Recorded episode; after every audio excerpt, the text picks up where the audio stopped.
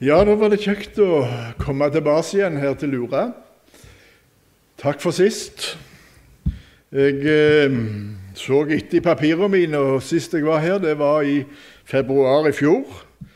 For det var jo rett før vi stengte ned. Så nå eh, er det godt å komme i gang igjen. Og det er fint å se hver og en som har funnet veien her. Hjemme på Jørpeland så vi møte, har vi hatt møteuke denne uka. I dag så var det søndagsskole. og Det kom så mye folk at jeg måtte gå hjem igjen. For det var ikke lov å være mer enn 100, og det sprengte vi. Så det var kjekt. Men det var ikke akkurat kjekt å gå hjem da. Men nå kan jeg gå hjem og se møtet på nettet etter jeg kommer herifra. For det er jo en fin mulighet. Ellers så sa han Ove den andre Ove at eh, jeg skulle si to-tre ord om boka som jeg har skrevet. Jeg vet ikke om jeg kan kalle det bok engang. Det er et lite hefte. Mens Ove, Ove sitt hefte har 5000 eh, i opplag, så har mitt 100. Så det er litt forskjell. Det er en helt annen sort bok. Eh, jeg er interessert i historie, og spesielt det som misjonshistorie. Og når jeg flytta inn til Jørpeland for tre år siden, så begynte jeg å rote litt i historien fra Jørpeland. Og så kom jeg borti et navn som jeg aldri hadde hørt om, en som heter Ole Kallem. Og eh, Han var husmann på Jørpeland. Kunne ikke skrive og kunne ikke regne.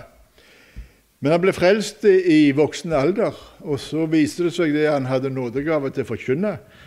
Og så ble han kalt til forkynner og avholdstaler. Så han havna i Nord-Norge og var der i ti år. Og så var han i Trøndelag og død borte i Skien. Det snakker vi om ca. 1850-60 til han døde i 85. Så det er lenge siden.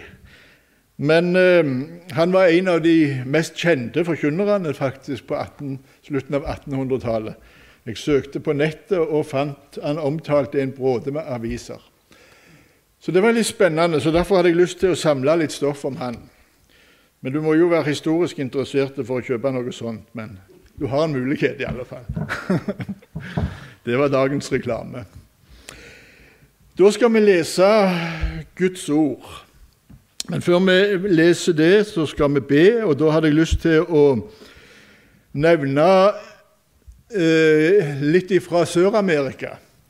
Eh, der er det, eh, de, Vi har jo misjonsarbeid i Peru og i Bolivia, og der er det ganske hardt ramma av korona. Snakket med Jens og Reide Noraberg i går. Da hadde de akkurat fått melding av en av de lederne i, i kirka der ute. Nå var akkurat død av korona. Det var en annen òg som var syk, og det var spennende hvordan det ville gå. Så eh, de har ikke så mye smittesporing og medisiner som vi har her. Så det er tøffe tider der ute. Og en av eh, våre predikanter han eh, heter Preben. Han var misjonær ute i Bolivia og fikk korona der. og Det var ikke så kraftig angrep enn han ble da, men han eh, har fått eh, ettervirkninger som gjør at han er ganske mista kreftene. Så han skulle ha vært rundt og preika nå men eh, er isteden sykemeldte. Så jeg hadde lyst til å minne om det, og at vi kunne være med og be både for Preben og for folket ute i Sør-Amerika. Kjære Jesus, jeg har lyst til å takke deg for eh, en ny anledning som vi skulle få til å samles i ditt navn og om ditt ord. Takk for at vi skal få lov å komme fram for deg med alle ting. Takk for løftene du har gitt oss. At det to og tre blir enige om i ditt navn, vil du gi oss. Så ser du situasjonen for folk ute i Sør-Amerika. Alvorlige situasjonen med korona, og du ser de som er syke nå, som òg er med i kirka vår der ute. Takk for de er i din omsorg og dine hender. Må du eh, gripe inn og trøste de som nå sitter i sorg, og må du gjøre de friske, de som er syke. Men det er en nød som er enda større enn det, og det er at det er så mange som ikke er frelst. Kjære Jesus, vi ber for folket i Bolivia og Peru at du kunne få kalle dem og at de flere kunne bli frelst. Så takker vi deg òg for at vi skal få minne deg om Preben, som er syk. Takk for han vil forkynne ditt ord. og Vi forstår ikke helt hvorfor han skulle bli stanset av denne sykdommen, men takk for at du kan gripe inn om det var din vilje, og det ber vi deg om. Og så ber vi om du med Din hellige ånd kunne være oss nær når vi nå skal dele ordet ditt videre. Vi ber i ditt dyrebare navn. Amen. Det er to kjente vers, kjente iallfall for deg som leser litt i Bibelen, som jeg hadde lyst til å minne om nå i kveld. To vers som er voldsomt gode for min egen del, som jeg hadde lyst til å minne òg dere om. 1. Johannes brev, kapittel 2, og vers 1 og 2. 1. Johannes brev, kapittel 2, og vers 1 og 2 i Jesu navn. Mine barn, dette skriver jeg til dere for at dere ikke skal synde. Og hvis noen synder, da har vi en talsmann hos Faderen, Jesus Kristus, den rettferdige. Og han er ei soning for våre synder. Og det er ikke bare for våre, men også for hele verdens. Amen. Jeg syns disse versene er fantastisk fine, og de begynner på en fin måte. Apostelen eh, Johannes, som har skrevet disse brevene og han, Hvem han skriver til, det vet jeg ikke helt. Men eh, vi forstår det må være et eh, nært forhold mellom apostelen og de han skriver til. Mine barn, sier han. Mine barn. Jeg tok og googla litt, eller søkte litt på nett, nettbibelen, og fant ut at uh, utenom apostelen Johannes så var det brukt bare to ganger, iallfall i den utgaven som jeg søkte i, det uttrykket. Jesus bruker den gangen Johannes 13, og Paulus bruker det i Galaterne 4. Men uh, Johannes han bruker det seks ganger her i det første brevet og én gang i det tredje brevet sitt. Så det er tydelig at det er noen som eh, han kjenner godt, og som eh, han har et nært forhold til, som han skriver disse linjene til. Mye, mye sannsynlig så har han vært et redskap til at eh, mange av de han skriver til, er blitt frelst. Det står det ikke noe her, men mye kan tyde på det. Samtidig så vet vi at det uttrykket det er òg et uttrykk som Jesus bruker om forholdet til den kristne overfor Gud og overfor Jesus. Og det er jo enda større. Mine barn, sier Jesus, mine søsken. Det syns jeg er ufattelig stort. Du som hører Jesus til, jeg som hører Jesus til. Jeg skal få lov å være et Guds barn. Vi sang det i sangen her 'Jeg er Guds barn'. Jeg er Guds barn. Det er min lovsang. Elsket av Gud, Frelserens brud. Tenk å få være Guds barn. Det er godt for ei urolig sjel å få lov å vite det, hvile i det.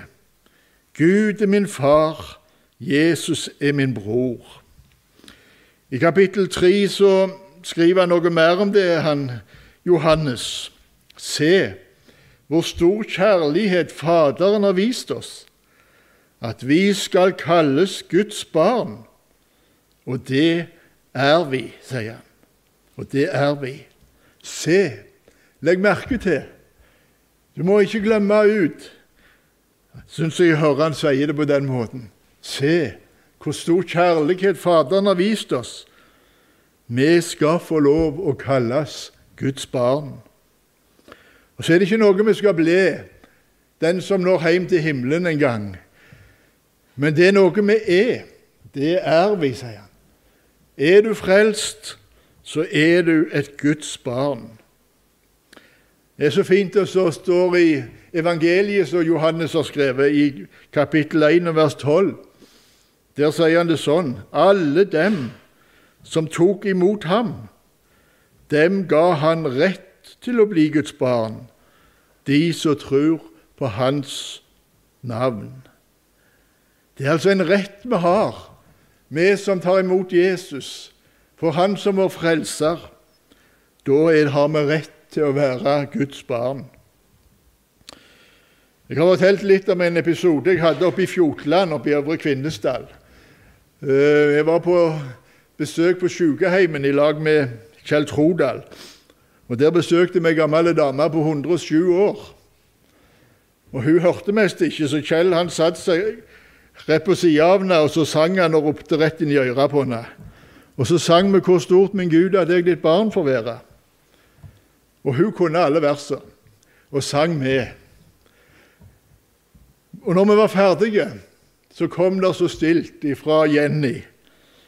Jeg blir aldri for gammel til å være et Guds barn, sa hun. Blir aldri for gammel. Så fikk hun leve til hun var 110 før Jesus hentet henne hjem. Men vi blir ikke for gamle til å være Guds barn. Og det er noe fantastisk stort med det, å få være et barn av Gud og Jesus.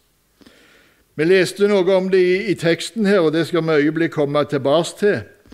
Men jeg hadde lyst til å minne om et vers i Peters brev, som også sier noe om det, og hva det betyr å være et Guds barn. I 1. Peters brev, kapittel 5 og vers 7, så står det så fint Kast all deres bekymring på ham, for han har omsorg for dere. Kast all deres bekymring på han, for han har omsorg for dere. Vi mennesker vi er litt forskjellige, eller ganske mye forskjellige. Noen de har lett for å se lyst og lett på livet. Andre er mer grublere og bekymra for både det ene og det andre. Jeg eh, kjenner iallfall på det for min egen del. Det er så lett å bekymre seg. Bekymre seg når en ser på landet. Hvordan skal det gå med Norge? Jeg holder jo på å gå vekk ifra Gud. Hvordan går det med mine kjære? Hvordan skal det gå med misjonen vår? Hvordan skal det gå med meg sjøl? Skal jeg nå det skjønne land? Så snubler gang på gang, så det står i en sang. Og så kan en se seg blinde på alle bekymringene. Da er det så godt å få lov å vite jeg eier en far, jeg eier en bror, som sier at du skal få lov å kaste alle disse bekymringene på Han. Han har omsorg for deg. Jesus har lovt å gå med deg i gode dager og i tunge dager. Selv i dødsskyggens dal, står det i Salme 23. Og så innbyr han oss på nytt og på nytt. Kom til meg, du som strever og tungt å bære. Jeg skal gi deg hvile. Far min han eh, døde for ti år siden. Da hadde han vært syk eh, ca. et par år før han døde. Og De siste gangene når jeg besøkte han, så var det et sangvers som han siterte for meg mange ganger. Jeg er i Herrens hender, i alt som med meg skjer. I smil og gråt jeg kjenner at Herren er meg nær. Om jeg i dype daler må gå den tunge vei, fra himmelens høye saler, hans øye følger meg. Det syns jeg var godt å høre fra far som var sjuk.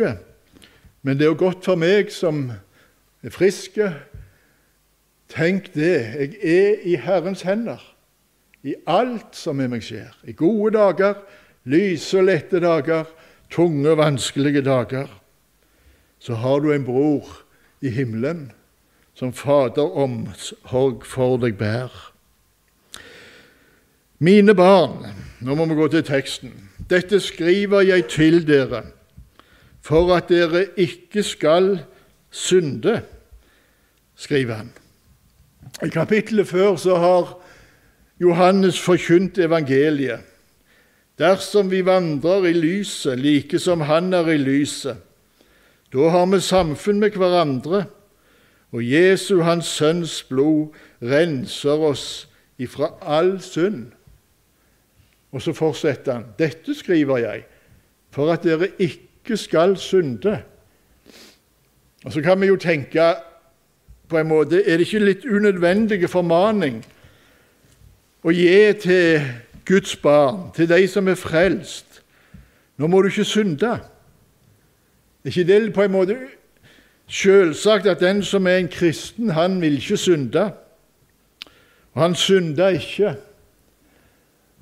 Skulle jo ønske det var sånn, men du som har levd litt med Jesus, du, du kjenner deg sjøl.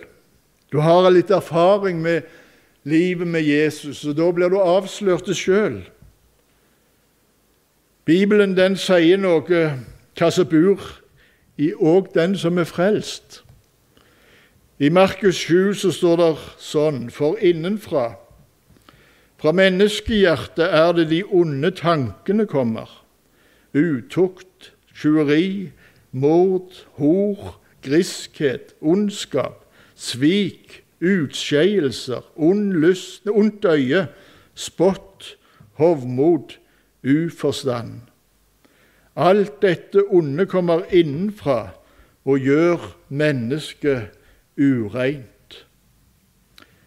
Det meste så er det vondt å lese, men har du levd litt i lag med Jesus, som mange av dere har, så har du erfart at det stemmer. Det er så mye ureint som bor i meg. Denne gifta som ble sprøyta inn av djevelen i paradis, den bærer vi på alle sammen. Jeg håper ikke du er av de som unnskylder synda med nåden. I Romerbrevet kapittel 5 så forkynner Paulus der synda ble stor, der ble nåden enda større. Men så fortsetter han i kapittel 6. Hva da? Skal vi bli ved i synden for at nåden skal bli større? langt derifra, vi som er døde fra synden, hvordan skulle vi ennå leve i den? Og Derfor trenger vi denne formaningen òg, vi som hører Jesus til. Mine barn, dette skriver jeg til dere for dere ikke skal synde.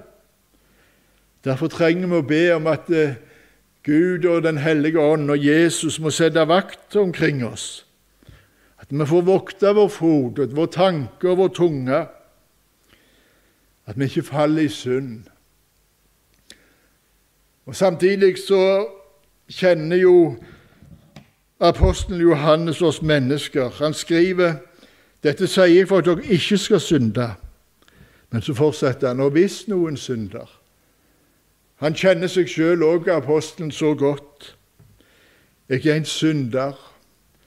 Nordsletten sier så lenge jeg er her på jorden, jeg plages daglig av min synd. Og det må jeg si som mitt vitnesbyrd òg.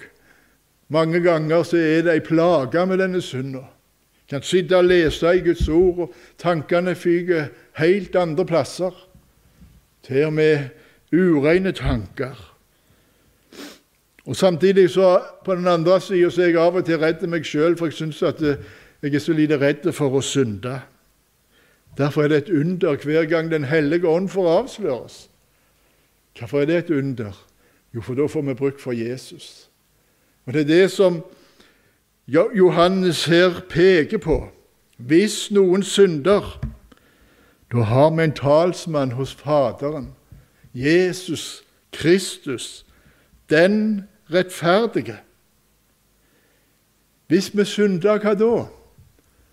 Hvis du synder, hva da? Jo, sier apostelen, da må du for alt i verden ikke glemme du har en talsmann hos Gud som taler din sak. Og han ber et sånn et fantastisk fint navn den rettferdige. Den rettferdige. Det er ikke noen eh, forsvarsadvokat som er vant med å, møte gjennom fjernsynet. En som skal tale vår sak med å unnskylde oss og finne formildende omstendigheter. Det er ikke en sånn en talsmann vi har, men vi har en stedfortreder.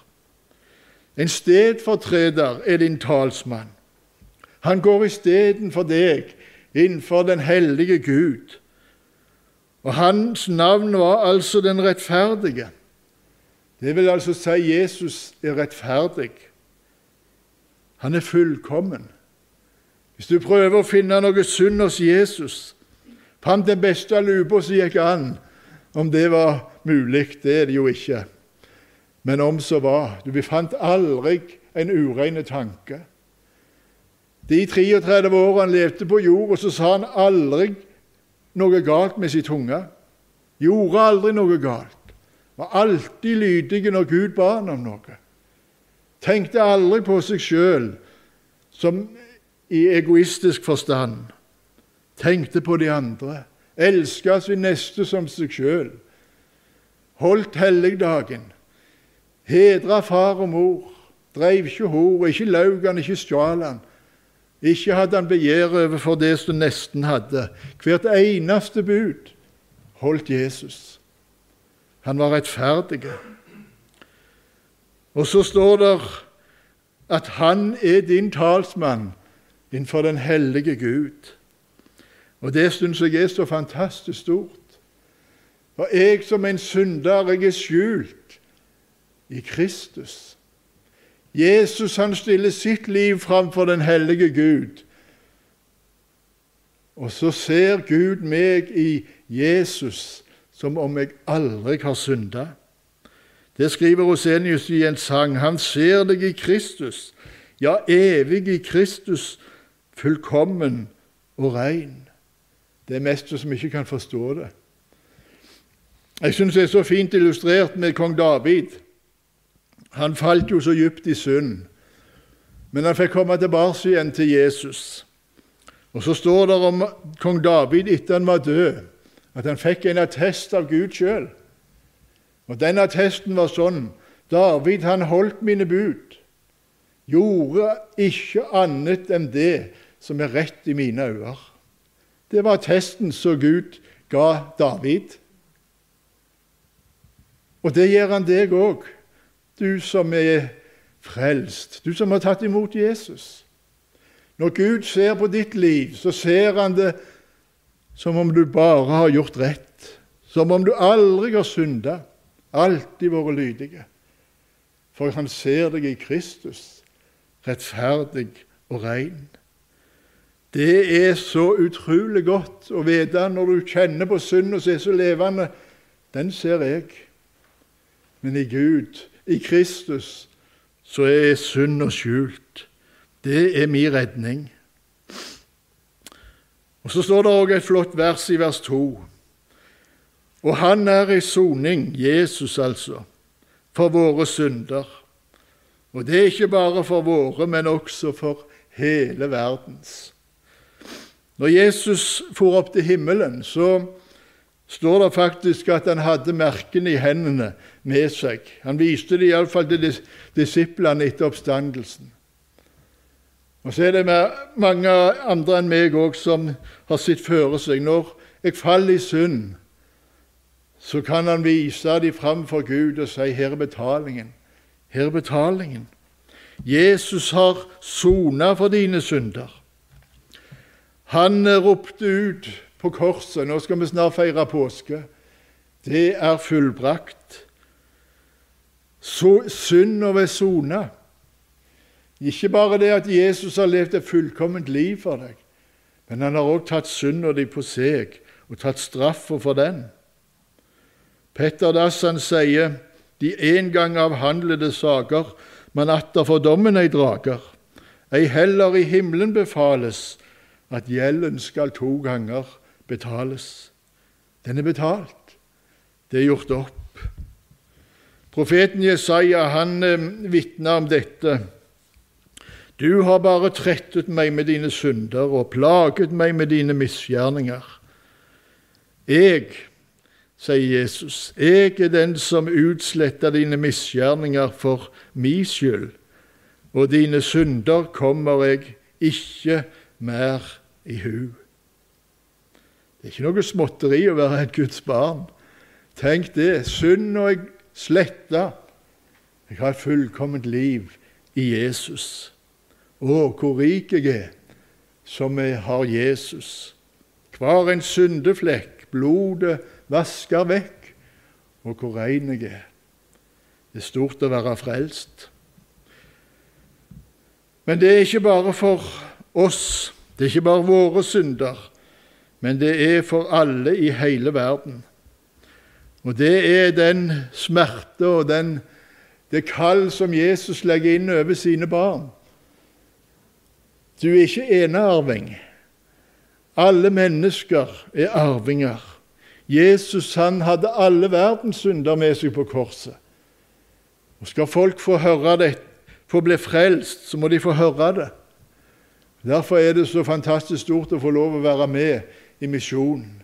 Få sende ut folk som skal forkynne evangeliet for de som aldri har hørt. Så er det ikke alltid de, det er så mange som tar imot. det du som kjenner litt til Bolivia Peru, som jeg nevnte til å begynne med, du vet at det er, det er få som blir frelst gjennom arbeidet der ute. Andre plasser er det motsatt. Jeg hadde telefon fra Kvinesdal for ei uke siden. Gammel dame på 90 år, Jorunn Hamre. Og Hun eh, fortalte at når hun reiste ut i 1959, så starta de Mekani Jesus-kirka i Etiopia. og Da var det 25 000 medlemmer. Nå, 60 år senere, hadde hun akkurat snakket med presidenten i kirka, og da hadde han sagt at nå har vi passert 10,5 million medlemmer. Fantastisk. Vi har vært en liten brikke i det, og det er Gud som skal ha æra. Men tenk for stort få lov å være med og forkynne evangeliet for de unådde folkeslag. Og så er spørsmålet til deg og til meg hvor har du tenkt å tilbringe evigheten? Det var et spørsmål som Folløyen stilte mange ganger, leste jeg i en bok. Og det har fulgt meg etterpå. Hvor har du tenkt å tilbringe evigheten? Nå har vi fått høre om veien til himmelen. Jeg håper du er på den veien. Kjære Jesus. Jeg har lyst til å takke og prise deg for ditt ufattelige frelsesverk for fortapte syndere. Takk for at du åpenbarte det for meg og for mitt hjerte, at jeg skal få lov å stå ren og rettferdig og himmelen verdig i deg. Så er det så mange som du har sona synda for, som ikke har tatt imot deg, som er på vei mot en evig fortapelse. Og her på Lura og bygdene her i Sandnes og Rogaland, kjære Jesus, vi ber om vekkelse og nytt liv, om du kunne få berga noen. Og er det noen her i kveld som ikke er frelst, så må du med din ånd ta dekke bort, så synderen får se at det som er ved Sønnen gjort, gjør sjelen hvit som sne. Amen.